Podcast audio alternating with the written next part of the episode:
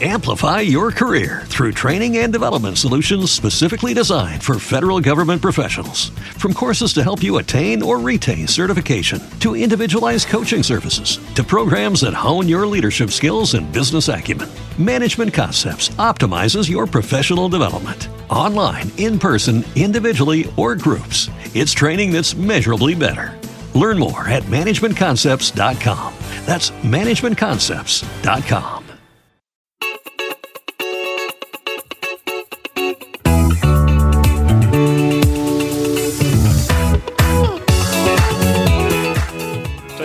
Agnieszka.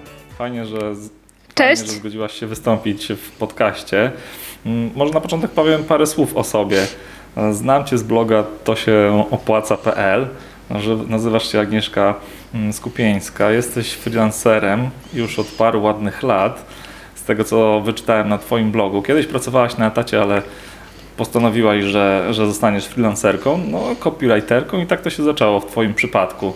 No i już od ładnych paru lat utrzymujesz się właśnie w ten sposób, no ale rozwijasz się, Twój blog to się opłaca.pl stale, stale się rozwija, ma coraz więcej nowych czytelników, wydałaś książkę, kursy online, co jeszcze? Co jeszcze? Bo to tak naprawdę ba- bardzo Widzę, dużo. widzę, że się całkiem nieźle przygotowałeś. Tak, wszystko prawda. E, Chociaż muszę powiedzieć, że od ostatniego roku, właściwie półtora roku, to bardziej mogę powiedzieć o sobie, że jestem blogerką niż copywriterką, bo z klientów właściwie zrezygnowałam, a teraz utrzymuję się głównie z tego, co przynosi mi blog. Tak można powiedzieć, czyli e, z książek, z kursów, też czasami z jakichś współprac, które na blogu się tam trafiają. Mhm, Okej, to brzmi bardzo, bardzo interesująco, ale zakładam, że żeby zbudować poczytny blog, no to zajmuje bardzo, bardzo dużo, dużo czasu, nawet parę, parę lat, więc może zacznijmy od początku. Może powiedz, jak to było w Twoim przypadku, mm, jak to się stało, że z pracy na etacie przeszłaś na freelancing i co, co tak naprawdę, mm, co tak naprawdę jest, skłoniło Cię do tego? Jak wyglądały Twoje początki jako, jako freelancera? Wiesz co, u mnie było tak, e, właściwie z każdą do, dobrą decyzją w moim życiu jest tak, że to się dzieje czasami trochę przypadkiem. I to też było przypadkiem, bo miałam jakieś zlecenia e, takie trochę na boku, miałam etat i miałam te zlecenia takie po godzinach. No i kiedy firma, z którą, dla której pracowałam, e, zakończyła swoją działalność, no ja oczywiście zostałam bez pracy, no i miałam te zlecenia e, na boku, miałam więcej czasu, żeby je robić, więc robiłam je na pełny etat, szukałam tej pracy etatowej. E, No i jak szukałam, chodziłam na tę rozmowę o pracę, to okazywało się, że w, mm, w to, co mi mogą zaoferować e, pracodawcy, to właściwie nie za bardzo różni się od tego, co ja mogę zrobić sama w domu. A sama w domu nie pracowałam nad tym 8 godzin, e, tak jakbym pracowała na etacie, tylko trochę krócej. Więc stwierdziłam, no dobra, no zaryzykuję, zobaczymy jak się z tej pracy w domu można utrzymać. No i to było w roku 2010 i jakoś do tej pory y, nie czuję powodu, żeby wracać na ten etat, bo okazuje się, że z tego freelansu całkiem można nieźle żyć, a i to jest całkiem przyjemna robota. Okej, czyli to już 8 lat, czyli szmat czasu. Szmat czasu. No, bardzo dużo. tak, to A prawda. powiedz, bo ty pracowałaś na etacie i zaczęłaś robić zlecenia e, po godzinach, to co tak naprawdę doradzasz takiej osobie, która chciałaby zostać freelancerem? Jak na początku taka osoba powinna, powinna działać? Czy właśnie powinna mieć jakieś zlecenia na, na boku po, po swojej regularnej pracy? No i co tak naprawdę jest takiego najważniejszego na początku w pracy freelancera? Co, co powinno się zrobić najpierw? No właśnie, zaczęcie w taki sposób, że masz jakąś pracę etatową, y, a jednocześnie masz zlecenia, to jest dosyć fajne, bo to jest bezpieczne, bo masz te pieniądze z pracy etatowej i możesz sobie spokojnie rozwijać po godzinach y, ten swój taki drugi, powiedzmy, biznes freelancerski. No chyba, że jesteś jeszcze w takim wieku, że utrzymują cię rodzice i też możesz zacząć już y, rozglądać się za, za zleceniami, to to już w ogóle super sprawa. Ale co jeszcze radzę na początek? Jeżeli już decydujesz się odejść z tej pracy, to fajnie jest mieć jakieś zabezpieczenie w postaci poduszki finansowej, powiedzmy na pierwsze trzy miesiące, naj, najlepiej jeszcze na więcej, e, na dłużej, ale to wiadomo, że trudno jest e, o takie zabezpieczenie, jak się jest młodym zwłaszcza. E, Ale też radzę, żeby się nie zniechęcać, żeby na początku nastawić się na to, że jeżeli zaczynamy jako freelancer, to tak jakbyśmy wchodzili do zupełnie nowej branży, tak jakbyśmy zaczynali staż w zupełnie nowej firmie, i w związku z tym nastawiamy się na to, że y, będziemy zarabiać mało, bo tak jest, taka jest prawda. Kiedy zaczynamy w czymś działać i jesteśmy w tym nowicjuszami, to raczej zarabiamy mało i myślę, że na freelancie na początku też będziemy zarabiać niewiele, ale się tym nie zrażać. To znaczy nastawić się na to, że tak po prostu jest i pracować, pracować, pracować nad tym, żeby te zarobki były coraz większe, rozwijać się, szkolić się, e, pracować dla coraz, e, nad coraz trudniejszymi, bardziej ambitniejszymi zleceniami, żeby e, to Twoje portfolio było coraz lepsze, no i wtedy te zarobki też będą z czasem, z czasem rosły, ale nie nastawiać się na to, że od razu odchodzimy z etatu i będziemy zarabiać nie wiadomo jakie pieniądze, bo tak się prawdopodobnie nie stanie. A powiedz jeszcze, bo ty zaczęłaś pracować jako freelancerka, jako copywriterka, ale kto tak naprawdę może, może być freelancerem? Czy są jakieś specjalne zawody, w których, e, w których można być freelancerem, jakieś preferowane, czy w zasadzie każdy może zostać freelancerem w swoim fachu i, i sprzedawać swoje usługi różnym firmom, różnym, różnym ludziom? Wiesz co, im dłużej w tym temacie siedzę, tym bardziej się przekonuję, że tych zawodów jest naprawdę bardzo, bardzo, bardzo dużo. E, oczywiście nie każdy może zostać freelancerem i sprzedawać swoje usługi online, bo czasami jest potrzebny po prostu kontakt z drugim człowiekiem, albo czasami są potrzebne jakieś maszyny, bez których no, nie zadziałasz. Dentysta nie będzie mógł być e, na takiej samej zasadzie freelancerem jak, jak ja, powiedzmy, tak? Ale e, tych zawodów jest naprawdę dużo, bo raz to jest cała grupa zawodów związanych z e, pracą w internecie, czyli e, pisanie, tworzenie jakichś tam tekstów, grafik, ilustracji, e, tworzenie stron, tworzenie, e, pozycjonowanie tych stron i tak dalej, wszystko, co się zwią ma związek ze stronami. Dwa, z marketingiem i z reklamą dla różnych biznesów, reklamą internetową, ale też mnóstwo usług wokół tego. Teraz modne są podcasty, więc zaczęło coraz więcej osób składać te podcasty zawodowo, ale też robić transkrypcję podcastów. To jest kolejna rzecz, której parę lat temu jeszcze właściwie transkrypcja nagrań nie była tak popularna, teraz e, już znam parę osób, które się zajmują właściwie tylko tym. E, kolejna rzecz, składanie jakichś materiałów wideo też do internetu. E, dlaczego nie można to robić w domu? Ale też wirtualna asysta. Coraz więcej jest wirtualnych asystentek, no bo jeżeli ludzie zaczynają budować swoje freelancerskie biznesy i te biznesy rosną do jakichś wielkich rozmiarów, to są całe firmy skupione wokół jednej marki, no to jasne, że ta marka też potrzebuje jakiejś asystentki i sama e, nie będzie wszystkiego robić, więc ta wirtualna asystentka też e, się zaczyna rozwijać, wirtualna asysta. E, no i cała masa innych takich biznesów usługowych, jak fotograf, jak konsultant ślubny, takie biznesy związane z coachingiem, z, z masażami, z trenowaniem, z trenerem fitness, dietetyka, no po prostu mogłabym tego wymieniać i wymieniać, bo naprawdę tych, e, tych zawodów jest cała masa i myślę, że z każdym, z różnymi umiejętnościami ludzie coś dla siebie mogą w tym znaleźć, o tak powiem. Okej, okay, no to wygląda tak, jakby rzeczywiście była cała masa różnych, różnych zawodów, a nawet jeżeli ktoś pracuje w jakimś zupełnie innym zawodzie, to może zajmować się tym, co lubi, albo tym, co sprawia mu przyjemność. Robi zdjęcia, to może być freelancerem od, od, od zdjęć. Więc tak to wygląda, ale pewnie, żeby się z tego. Wystarczy, że masz tak naprawdę znajomość, dobrze znasz jakiś, jakiś język, to już możesz e, zastanowić się nad jakimiś konsultacjami językowymi. Czy e, po prostu, e, jeżeli bardzo dobrze znasz język na tyle, że możesz swobodnie z kimś rozmawiać, to jakieś takie przez Skype. No, może po prostu rozmowy, tak? Czy nie wiem, jak to teraz nazwać tak fachowo, ale e, no, nie, nie chodzi o naukę języka, tylko po prostu rozmowę przez Skype w jakimś innym języku. Czy e, nawet dla kogoś, kto się uczy polskiego, jeżeli ty znasz ten język, w którym on mówi, e, że tak powiem, od urodzenia, no to możesz mu e, zaoferować takie konwersacje po polsku, prawda? Przez Skype. Także tutaj trzeba ruszyć głową, Zastanowić się też nad tym, co umiesz, jakie są Twoje e, zdolności i co umiesz, za co ktoś inny mógłby zapłacić, no i w tym kierunku y, próbować działać. Okej, okay, czyli wyobraźmy sobie, że, że jestem osobą pracującą na etacie, chcę zostać konsultantem czy freelancerem i powiedz, gdzie powinienem szukać pierwszych zleceń, bo nie mam żadnych klientów, więc co powinienem zrobić mhm. najpierw? Pewnie są jakieś serwisy ze zleceniami, gdzie można takie zlecenia znaleźć, albo, albo są jakieś specjalne metody na wyszukiwanie takich zleceń. To co, co ty polecasz na początek? Gdzie szukać takich zleceń i w jaki sposób? Wiesz co, najłatwiej faktycznie jest zerknąć na takie portale, gdzie się szuka, gdzie ludzie szukają y, freelancerów, gdzie po prostu są y, zlecenia ogłaszane, typu Oferia, typu y, Fiverr, czy tam ca całą listę mam na blogu, mogę też podesłać Ci link, to podlinkujemy w, we wpisie, okay, bo tych portali jest jakieś między 20 a 30 w tej chwili naliczyłam. W każdym razie portale ze zleceniami i portale, w których się szuka pracy po prostu, szukać też zleceń.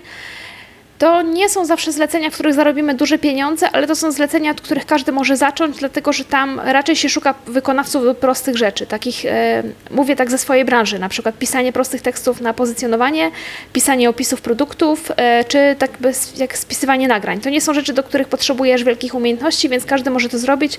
No i szuka się właśnie takich wykonawców przeważnie przez Oferię, czy przez e, UseMe, czy jakiś inny tego typu portal. Także dla kogoś, kto chce zacząć, a jeszcze nic nie, e, nie ma żadnych e, umiejętności, nie ma żadnych, e, żadnego portfolio, żadnego doświadczenia, z którym się może popisać, to zacząć w ten sposób.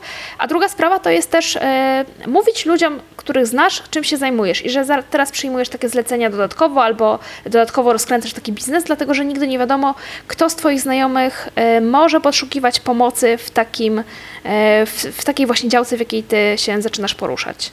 A jeżeli znam język angielski na przykład, to powinienem, to powinienem zacząć od e, takich serwisów dla freelancerów e, anglojęzycznych, globalnych, czy raczej skupić się na polskich serwisach? Czy to ma jakiekolwiek znaczenie? E, Myślę, że spokojnie można próbować na tych zagranicznych, dlatego że tam wiadomo jest trochę więcej tych zleceń niż w Polsce i, i dlaczego nie? To zależy też czym się zajmujesz. Jeżeli znajomość języka angielskiego pozwala Ci na to, żeby przyjmować te zlecenia z zagranicy, to jak najbardziej warto próbować. Okej, a powiedz, bo kojarzy mi się freelancer, kojarzy mi się z kimś takim e, wolnym, kto nie jest ograniczony pracą od, od 9 do, do 17, tylko może dowolnie organizować swój czas, czyli ma swego rodzaju wolność. No i o to chciałem zapytać, czy bycie freelancerem oznacza właśnie dla Ciebie jakiś rodzaj wolności i czy Ty dążysz do tego, żeby zostać wolną finansową osobą? E, I czym dla Ciebie jest finansowa wolność? To może zacznę od końca. To znaczy, e, finansową wolność to ja sobie wyobrażam tak, że nie muszę wstawać rano do pracy, nie muszę pracować codziennie, nie muszę pracować nawet co tydzień e, i po prostu pracuję wtedy, kiedy mam na to ochotę. I to by był taki mój ideał, że mogę sobie wyjechać powiedzmy na miesiąc, na dwa, na pół roku i jak nie zajrzę do pracy, to nic się nie stanie.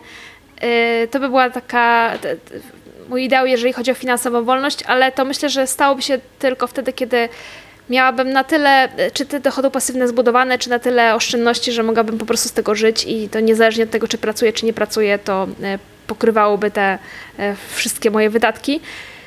A z tym jest trudna sprawa, dlatego że wiadomo, że im więcej się zarabia, tym więcej potrzebujesz. Jak zarabiasz nie wiem, 3000, to wydasz 3000. Jak zarabiasz 6, to wydasz 6, a jak, jak wydajesz 6, to myślisz, że chciałbyś mieć 10. Także e, trudno jest obliczyć, jaki to by był pułap, kiedy można by było sobie pozwolić na to, że okej, dobra, teraz to już mam wolność finansową, nie pracuję, e, jadę sobie gdzieś tam na, na Fidżi i sobie siedzę i pod palmami, tak? Także no tak to wygląda. Okej, a po- powiedziałaś o dochodach pasywnych i właśnie, właśnie też o to chciałem zapytać.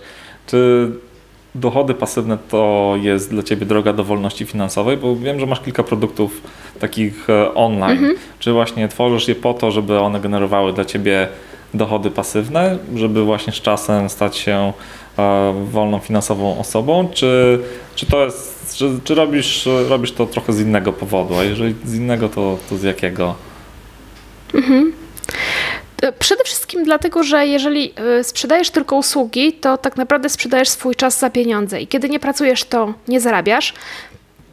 Więc jako freelancer miałam taki problem, że chciałam wyjechać na urlop, no i tak, musiałam po pierwsze te zlecenia, które mi wypadały w czas urlopu, to musiałam je zrobić wcześniej, no a po drugie jechałam powiedzmy na dwa tygodnie i nie zarabiałam przez ten czas. No i pomyślałam, że to tak e, nie do końca może być, trzeba coś z tym zrobić i zaczęłam szukać rozwiązań, tak założyłam pierwszy blog, e, ten blog o drinkach. No i z czasem właśnie te blogi mi zaczęły przynosić taki dochód na boku, dochód, który nie jest związany z moim czasem i dochód, który się skaluje. I to, jest, to są właśnie powody, dla których e, do tych dochodów pasywnych dążę. Po pierwsze właśnie, że one mi pozwalają zarabiać, jak jestem na urlopie i nie muszę się martwić, że wyjeżdżam e, i pieniędzy na koncie nie przybywa. A po drugie właśnie nie skalują się, czyli znaczy się skalują w przeciwieństwie do usług, czyli nie muszę siedzieć 8 godzin, e, żeby zarobić X, a 2 razy 8, żeby zarobić 2 razy X. Tylko e, tutaj można zwiększać te przychody, ale nie zwiększać czasu pracy i o to mi też chodzi. A z tą wolnością finansową, no nie sądzę, żeby, e, to znaczy może tak będzie, mam nadzieję, że, że kiedyś będzie, ale nie sądzę, żeby szybko mi się udało dojść z tymi dochodami pasywnymi do takiego momentu, żeby już sobie właśnie tę pracę całkiem odpuścić. Chyba jeszcze nie jestem w takim wieku, tak myślę. Okej, czyli, czyli bycie, bycie freelancerem tak naprawdę oznacza swego rodzaju wolność. Nie muszę chodzić do, do pracy w określonych godzinach, ale i tak muszę pracować, tak? Muszę, muszę realizować zlecenia, żeby mieć się z czego utrzymać. Dlatego fajnie jest, jeżeli ktoś już zostanie freelancerem i nie chce utrzymywać się tylko z tego, zacząć myśleć, jak, jak generować jakieś dodatkowe dochody pasywne, tak? czyli coś takiego, co przynosi mu pieniądze nawet wtedy, kiedy, kiedy śpi. Tak? Jeżeli ktoś kupuje tak, bo to też wiesz, to nie jest też kwestia spania, czy, czy godzin pracy, czy urlopów, ale też kwestia na przykład choroby, że e, jak masz normalnie etat, to idziesz sobie na chorobowe i nic cię nie interesuje. Jak jesteś freelancerem, no to możesz przez jakiś czas nie pracować i powiedzieć klientom, że no jesteś chory i te zlecenia zrobisz za tydzień, no ale jednak znowu pozostaje taki problem, że y, no, nie pracujesz, to nie zarabiasz, a te dochody pasywne trochę ci dają takie poczucie bezpieczeństwa. I też z tego względu y, dochody pasywne są fajne we freelancie, że jeżeli masz już zapewnioną jakąś taką bazę z tych dochodów pasywnych, powiedzmy jakąś kwotę miesięcznie, to też nie jesteś taki przypięty do muru, jeżeli chodzi o zlecenia, że przyjdzie do ciebie klient, który tak nie do końca ci odpowiada, albo no nie wiem, nie chce się zgodzić na takie warunki, jak ty chcesz, to nie musisz się zastanawiać, kurczę, mi jest to zlecenie potrzebne, to ja może zejdę z ceny, tylko możesz powiedzieć, ok, dobra, ja mam dochody pasywne, mam tutaj, wiesz, przychody z książki, przychody ze z kursów, to ja nie muszę brać tego zlecenia, jeżeli on nie odpowiadają mi warunki, to po prostu go nie biorę. I w ten sposób też e, jesteś bardziej skłonny do podnoszenia cen za swoje usługi, bo już ci tak bardzo nie zależy na tym, żeby każde zlecenie za wszelką cenę dostać i żeby zarobić jakiekolwiek pieniądze, bo nie będziesz miał na utrzymanie. Już się nie martwisz o to, e, za co zapłacisz, z czego zapłacisz za ZUS, czy za rachunki, bo po prostu masz tą swoją bazę z dochodów pasywnych, która cię przed tym wszystkim zabezpiecza.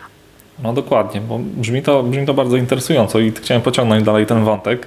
Bo kiedyś widziałem, że na swoim blogu napisałaś wpis o dochodach pasywnych, o Twoich dochodach pasywnych, jakie, jakie osiągasz, hmm. jakie generujesz. No i wymieniłaś tam m.in. sprzedaż swojej książki, kilku kursów online, dochody z AdSense, z afiliacji. No to są, to są jakby różne, różne metody, trochę się różnią od siebie. No i jest ich bardzo dużo, więc co tak naprawdę, którą z tych metod polecasz takiej zupełnie początkującej osobie, która jeszcze nie ma żadnych swoich dochodów pasywnych na, na początek? Co taka osoba, która chciałaby wygenerować swój pierwszy dochód pasywny, powinna zrobić? Od której z tych, z tych metod, metod zacząć? Która jest może najprostsza we wdrożeniu i gdzie widać już, można osiągnąć pierwsze rezultaty w krótkim czasie? Mhm. Niewielkie, ale, ale można, żeby, żeby się przekonać, że rzeczywiście jest to możliwe. Myślę sobie tak, że jeżeli nie masz bloga, to z każdą będzie ci właściwie trudno zacząć, bo każda opiera się na tym, że masz jakby do kogo przemówić, czy komu sprzedać e, ten, swoją książkę, albo ten kurs, albo e, polecić produkty w afiliacji, albo te reklamy w AdSense, to, to też gdzieś tam trzeba je wstawić. Ale jeżeli masz już bloga, to ja jestem taką osobą, która jest bardzo niecierpliwa. Ja już jak coś sobie wymyślę, to chciałabym, żeby już były efekty. I tak, czekanie, e, aż napiszę książkę albo napiszę kurs, to jest ładnych parę, myślę, miesięcy roboty, więc e, to bym na początek odradziła. E, moim zdaniem najfajniej jest zacząć od afiliacji, bo tak, z afiliacji może na początku nie zarobimy kokosów, ale niezależnie od tego, jaki masz ten blog, jaki on jest duży, możesz zrobić jedną rzecz. Możesz poszperać sobie w Google Analyticsie i zobaczyć, które Twoje stare wpisy są dobrze, najbardziej odwiedzane. I teraz zastanowić się, e, czy w takim wpisie, który jest akurat dobrze, e, dobrze się wypozycjonował i dużo osób go miesięcznie odwiedza, nie możesz dać jakichś linków afiliacyjnych, bo jeżeli możesz, to zrób to od razu i od razu możesz e, właściwie patrzeć, czy na Twoim koncie w programie afiliacyjnym nie pojawiają się pieniądze, bo jak ktoś już na ten wpis wchodzi z, z Google, po prostu masz, wiesz, jakiś wpis, który odwiedza miesięcznie powiedzmy nawet 100 osób, no to jest jakaś szansa, że już w tym wpisie, jak dodasz linki do czegoś, co akurat tam pasuje, że ktoś w te linki kliknie i jakieś tam pieniądze e, z tego zarobisz. Także to jest taka rzecz na początek. AdSense też zawsze warto testować, bo nigdy nie wiadomo, czy akurat na Twoim blogu AdSense nie będzie przynosił e, jakichś sensownych pieniędzy, więc dlaczego nie? Okej, okay, czyli polecasz otworzyć blog, ale jeżeli nie mam żadnego pomysłu na, na bloga, to czy powinienem mm, wymyśleć coś związanego z moją z moją dziedziną, na przykład związanego z moją pracą, czy raczej wybrać coś zupełnie innego, niezwiązanego z moją pracą, a coś, co mnie interesuje, co jest moją pasją, czy to w ogóle ułatwia mm, zarobki w, w modelu afiliacyjnym?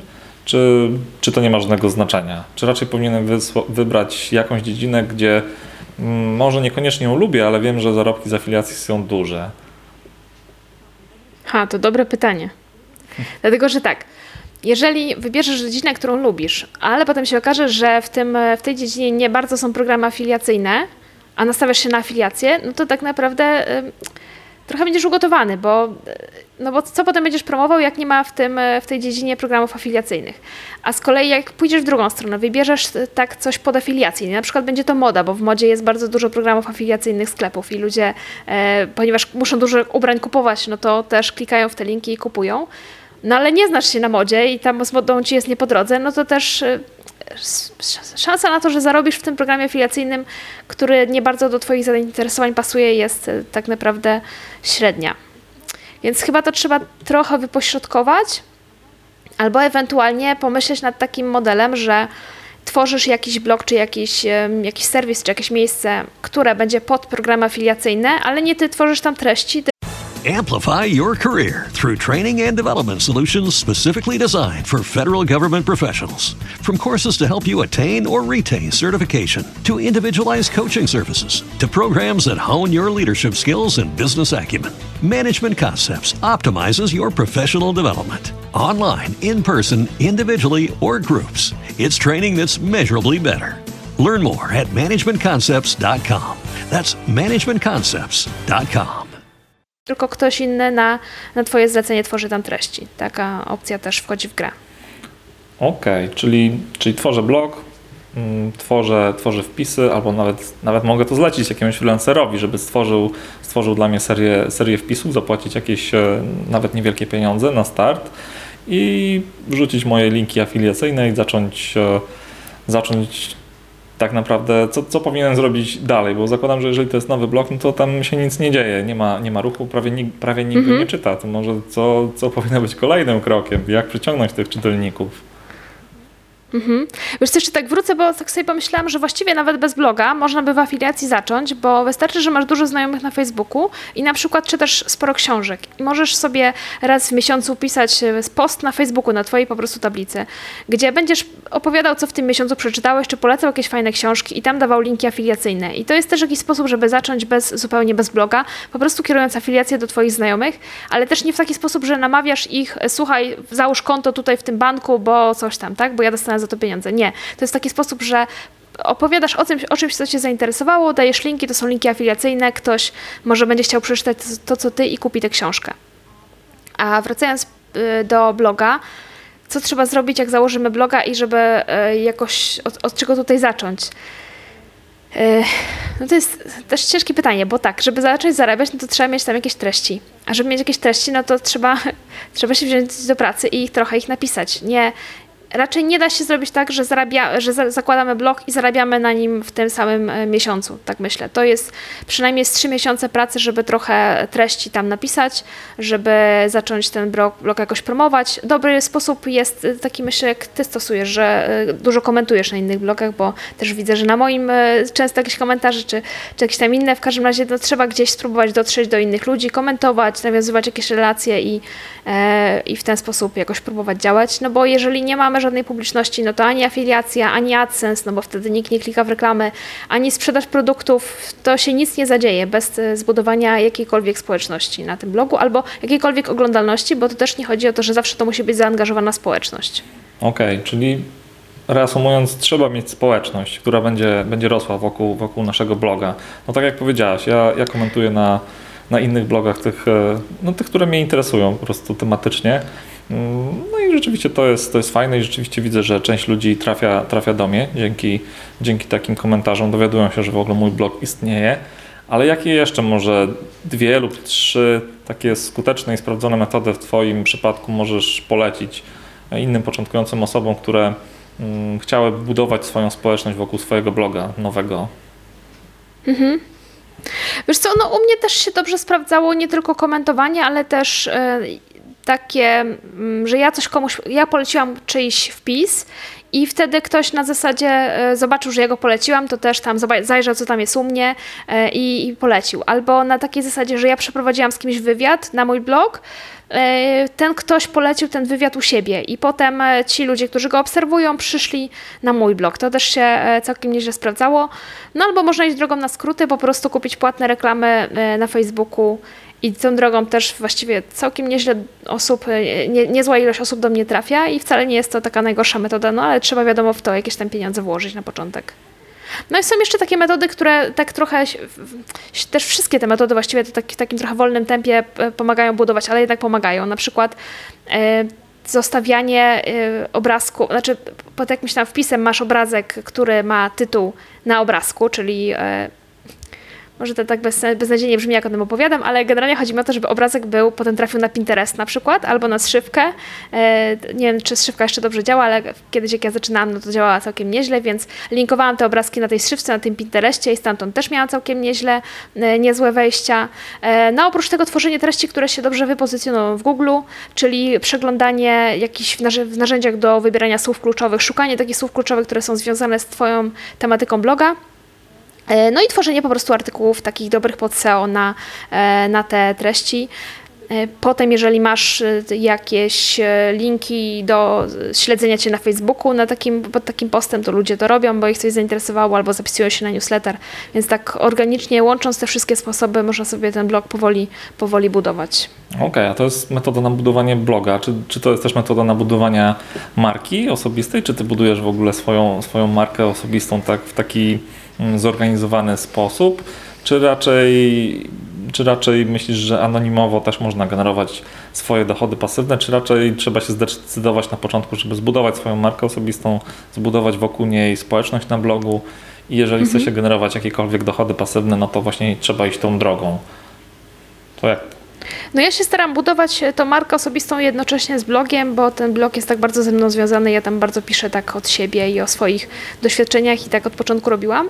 Ale nie sądzę, żeby to było tak bardzo, bardzo koniecznie, jeżeli chcemy budować dochody pasywne, to znaczy zależy jakie dochody pasywne, bo znowu, jeżeli wrócimy do tematu afiliacji, to ja miałam kilka takich stron, które w ogóle były nie ze mną związane. W ogóle nie było tam ani mojego nazwiska, ani mojego zdjęcia, po prostu była ta strona, którą ja sobie tam gdzieś utrzymywałam. Na przykład o, e, na temat prezentów, wybierania prezentów i, e, i takiej tematyki. I ona była zrobiona pod afiliację. Ktoś tam inny pisał te artykuły dla mnie, czyli tak jak Ci mówiłam wcześniej, zlecałam po prostu pisanie artykułów. Były tam jakieś artykuły i ja tam umieszczałam linki afiliacyjne do e, różnych produktów w różnych sklepach i sobie, sobie tam jakoś to kapało dochód pasywny z, z tych artykułów. I to też było zrobione na takiej zasadzie, że najpierw dodałam ileś tam artykułów, poczekałam, sprawdziłam, które się dobrze pozycjonują, uzupełniłam te dobrze wypozycjonowane o linki afiliacyjne.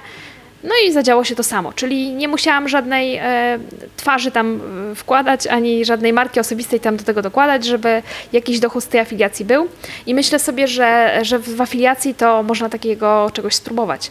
Ale jeżeli chcesz sprzedawać książki i kursy, to raczej anonimowo trudno mi sobie to wyobrazić, żeby, e, żeby to się anonimowo udało, no bo jednak jak kupujemy kurs i chcemy się czegoś nauczyć, to musimy się dowiedzieć, od kogo my się uczymy i dlaczego my się chcemy od niego nauczyć i dlaczego od niego się warto czegoś nauczyć. Tak samo jest z książką, więc tutaj anonimowo byłoby raczej trudno.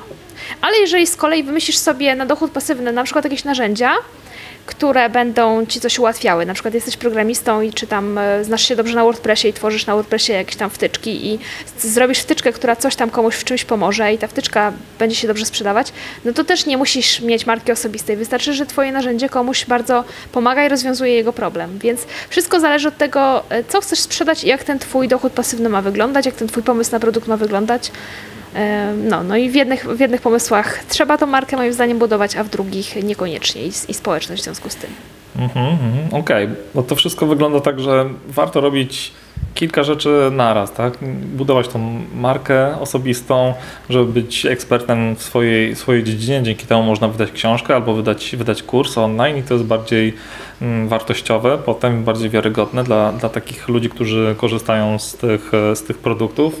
Jednocześnie warto tworzyć swój blog i pisać tam mm, jakieś eksperckie treści albo może poradniki. Mm, warto też pewnie współpracować z innymi blogerami, i występować również, również u nich, żeby, żeby zdobywać mhm. większą publiczność. Ale powiedziałaś też o tych blogach na początku, tak, które, które kiedyś, kiedyś tworzyłaś. Czy do, do, do tego chciałem wrócić, bo to, bo to mhm. jest najprościej chyba zrobić, tak mi się wydaje na samym początku. Czy ty te blogi nadal utrzymujesz, czy ty je masz, czy po prostu one, mm, one jakby ruch na nich e, spadł z czasem, czy utrzymuje się, czy po prostu je sprzedałaś? E, tak, wiesz co, bo e, to co mówisz, że trzeba różne rzeczy robić, to ja się o tym też sama przekonałam, ale oczywiście nie wiedziałam tego, tego na samym początku, więc nie wiedziałam ile to czasu wszystko zajmuje, no i porwałam się na takie różne pomysły, że będę robić to, będę robić tamto, będę jeszcze tutaj mieć jakieś różne strony. No i natworzyliśmy tego z mężem e, całkiem sporo, bo chyba w sumie z 10. No i potem się okazało, że oczywiście nie mamy na to wszystko czasu, że na te wszystkie strony trzeba pisać nowe artykuły, żeby one cały czas tą pozycję w Google utrzymywały. I stwierdziliśmy, że to jest gra nie warta świeczki i na tyle frontów razem nie pociągniemy, więc te strony sobie gdzieś tam są. Niektóre chyba już wyłączyliśmy, ale parę jeszcze jest, dlatego że też e, oprócz tego, że mamy tam afiliacje, to mieliśmy tam też artykuły od agencji PR, e, które zresztą też sprzedawaliśmy, więc te artykuły mamy tam w umowach, powiedzmy, że musimy utrzymywać przez rok, więc jeszcze utrzymujemy. Gdzieś tam dochody z Whitepressa, które też tą drogą wpadały, także tutaj różne nogi były e, zbudowane na, e, na, tych, na tych serwisach i one niektóre jeszcze są, ale plan jest taki, żeby je wygaszać, bo po prostu no, nie da się wszystkiego robić. I tak jak mówisz, że to jest właściwie cecha freelansu, że freelancer musi robić e, dużo rzeczy naraz, bo kiedy pracujesz na etacie, to masz e, jakąś swoją działkę. Szef ci daje zlecenie, ty robisz to zlecenie i niczym się nie przejmujesz. A freelancer musi jeszcze mieć reklamę swoją, musi dbać o to, żeby tych klientów pozyskać, musi z nimi umowę podpisać, warunki ustalić, dostarczyć to zlecenie, potem się rozliczyć, potem jeszcze jakieś, e, jakieś tam faktury, księgowość itd., tak itd. Tak Tego jest bardzo dużo. Z blogerami jest tak samo, bo bloger to też jest trochę freelancer. Jeżeli już zarabia i jest zawodowym blogerem, no to też cała masa innych rzeczy dookoła.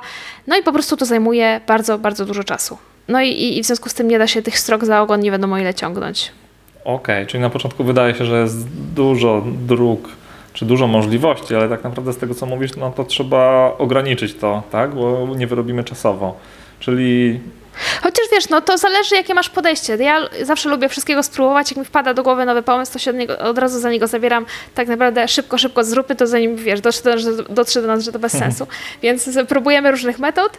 No i w związku z tym dzięki temu wiem, że, że jak, jak działa afiliacja, jak działa AdSense, jak działa sprzedaż kursów, jak działa sprzedaż książki i tak dalej i o, o tym wszystkim trochę wiem i mogę sobie wybrać to, co mi najbardziej pasuje i co do mnie najbardziej pasuje, co mi najlepsze pieniądze przynosi i też największą frajdę.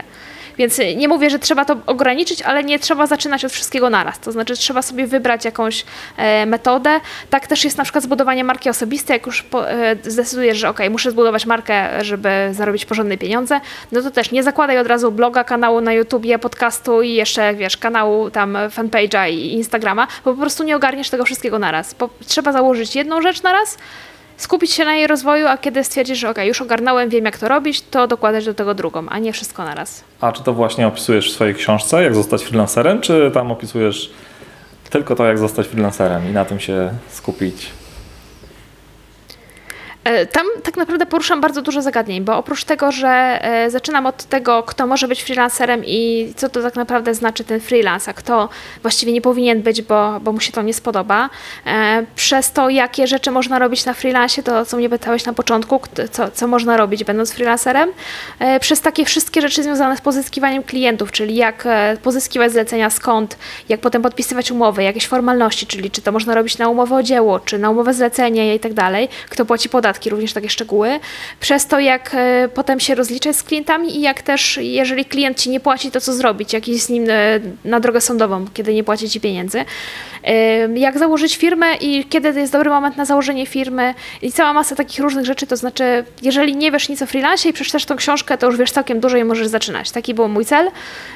I, i tak ta książka jest napisana tak naprawdę od A do Z, czyli od samego początku, jak ci wpadnie taki pomysł do głowy, do samego końca, kiedy już jesteś freelancerem z firmą, z klientami zarabiasz i e, koniec jest taki, e, jak się przygotować do wakacji, do urlopu i kiedy i jak wygląda wypalenie zawodowe freelancera i co to, co to jest, jak sobie z tym poradzić. Więc takie starałam się kompendium wiedzy napisać i, i tak, tak ta książka wygląda. Okej, okay, czyli każdy, kto chciałby zostać freelancerem, powinien sięgnąć po Twoją książkę, albo przynajmniej się z nią zapoznać. No, ja tak uważam.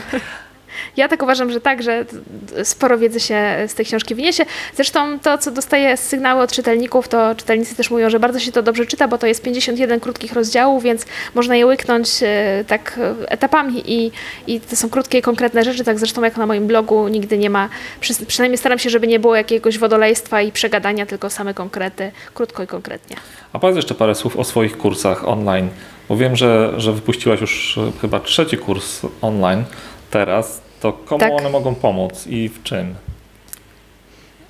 Pierwszy kurs, który wypuściłam, Zacznij zarabiać na pisaniu, to jest kurs dla osób, które e, wymyśliły sobie, że chciałyby spróbować swoich sił w copywritingu, albo po prostu nie bardzo wiedzą od czego zacząć pracę zdalną i chciałyby się dowiedzieć w ogóle, jak to wygląda. Bo ja uważam, że zacząć zarabiać na pisaniu prostych tekstów na potrzeby pozycjonowania, bo takich uczę w tym kursie, e, że tak zacząć może każdy, kto po prostu umie pisać. Nie trzeba pisać jakiegoś nie wiadomo jak dobrze, ani e, nie wiadomo jakiego mieć, że tak powiem, słowa wiesz, e, jak to się mówi, e, lekkiego pióra, o tak, e, nie trzeba mieć lekkiego pióra, każdy może zacząć, więc uczę w tym kursie jak zacząć, jak zdobywać zlecenia z pisania prostych tekstów, jak zrobić sobie takie proste portfolio, no i jak się też rozliczyć z klientami, jak tych klientów szukać, więc to jest mój kurs o pisaniu. Drugi kurs, własny produkt w siedmiu krokach, to jest kurs dla osób, które mają już jakąś społeczność zbudowaną albo mają już wokół siebie jakichś ludzi, którym mogą coś sprzedać.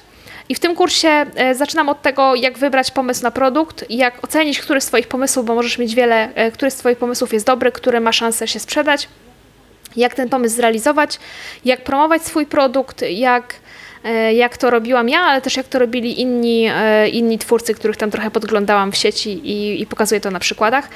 E, ale też od strony formalnej, jak wprowadzić ten produkt do sprzedaży, jak to skonfigurować, na przykład e, ja sprzedaję swoje produkty w Shoplo, ale też można je sprzedawać w inny sposób, więc ja to wszystko tam omawiam, jak ten produkt e, do sprzedaży wstawić, żeby ludzie go mogli kupić i też takie rzeczy, jak ogarnąć związane z wysyłką, z podpisywaniem umów z kurier, kurier tam paczkomaty i tak dalej, poczta, więc jeżeli ktoś chce kurs, ktoś chce stworzyć własny produkt i go sprzedawać, to ja tam po prostu prowadzę za rękę, jak to zrobić. Na mój trzeci kurs Akademia Freelancer Pro to jest kurs dla osób, które są już freelancerami od jakiegoś czasu, albo e, też może dla tych, którzy zaczynają, ale też mniej więcej wiedzą, czego chcą i w czym chcą działać. I tam z kolei uczymy się tego, jak, e, jak trochę przejść na wyższy poziom freelansu. O tak to może powiem, bo są tam moduły dotyczące wyceniania zleceń, dotyczące marki osobistej, dotyczące budowania swojej strony internetowej, dotyczące e, pozyskiwania klientów oczywiście też, ale też problemów z klientami, e, ale też tego na przykład, żeby dopasować to, co robisz do swojego typu osobowości i do tego, jaki jesteś. E, uczymy się też szukania dla siebie niszy i rozwijania oferty tak, żeby z jednego klienta wycisnąć trochę więcej niż, niż to robiliśmy do tej pory.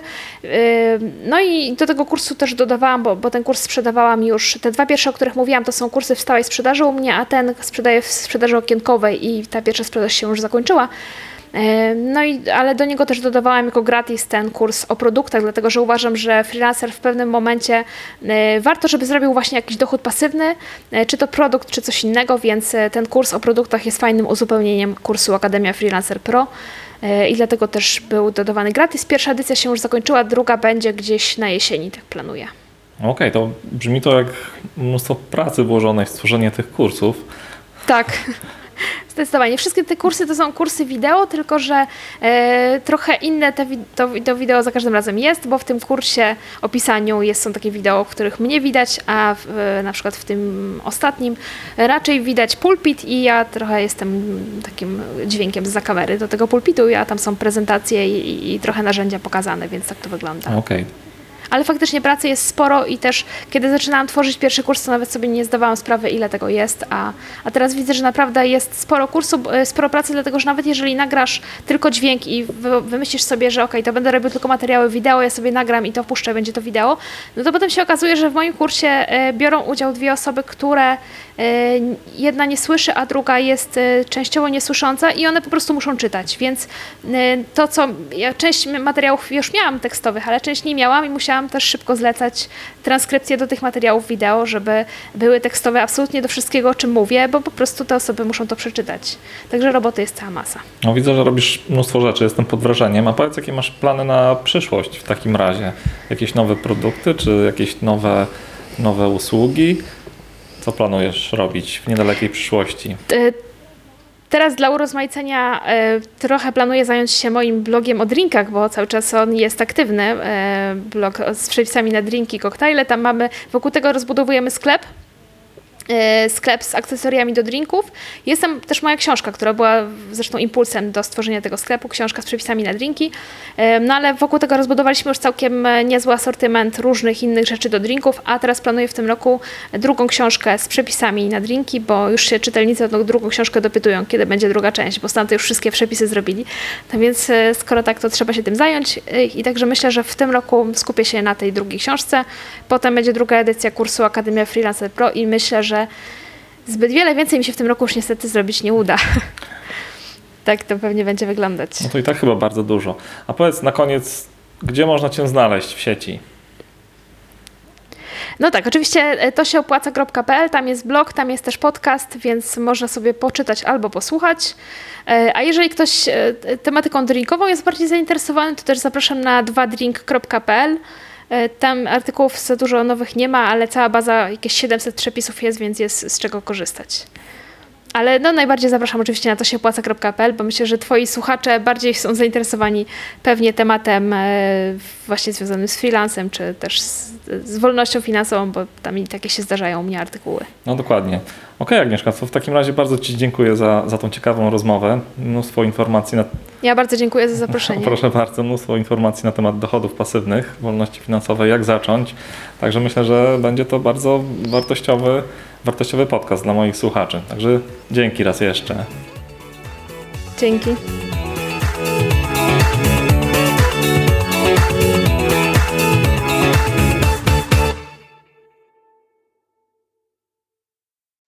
Amplify your career through training and development solutions specifically designed for federal government professionals. From courses to help you attain or retain certification, to individualized coaching services, to programs that hone your leadership skills and business acumen, Management Concepts optimizes your professional development. Online, in person, individually, or groups, it's training that's measurably better.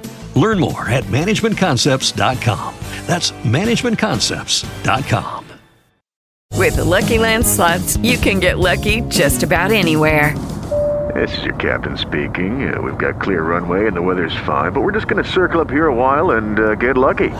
No, no, nothing like that. It's just these cash prizes add up quick. So I suggest you sit back, keep your tray table upright, and start getting lucky. Play for free at LuckyLandSlots.com. Are you feeling lucky? No purchase necessary. Void where prohibited by law. 18 plus terms and conditions apply. See website for details.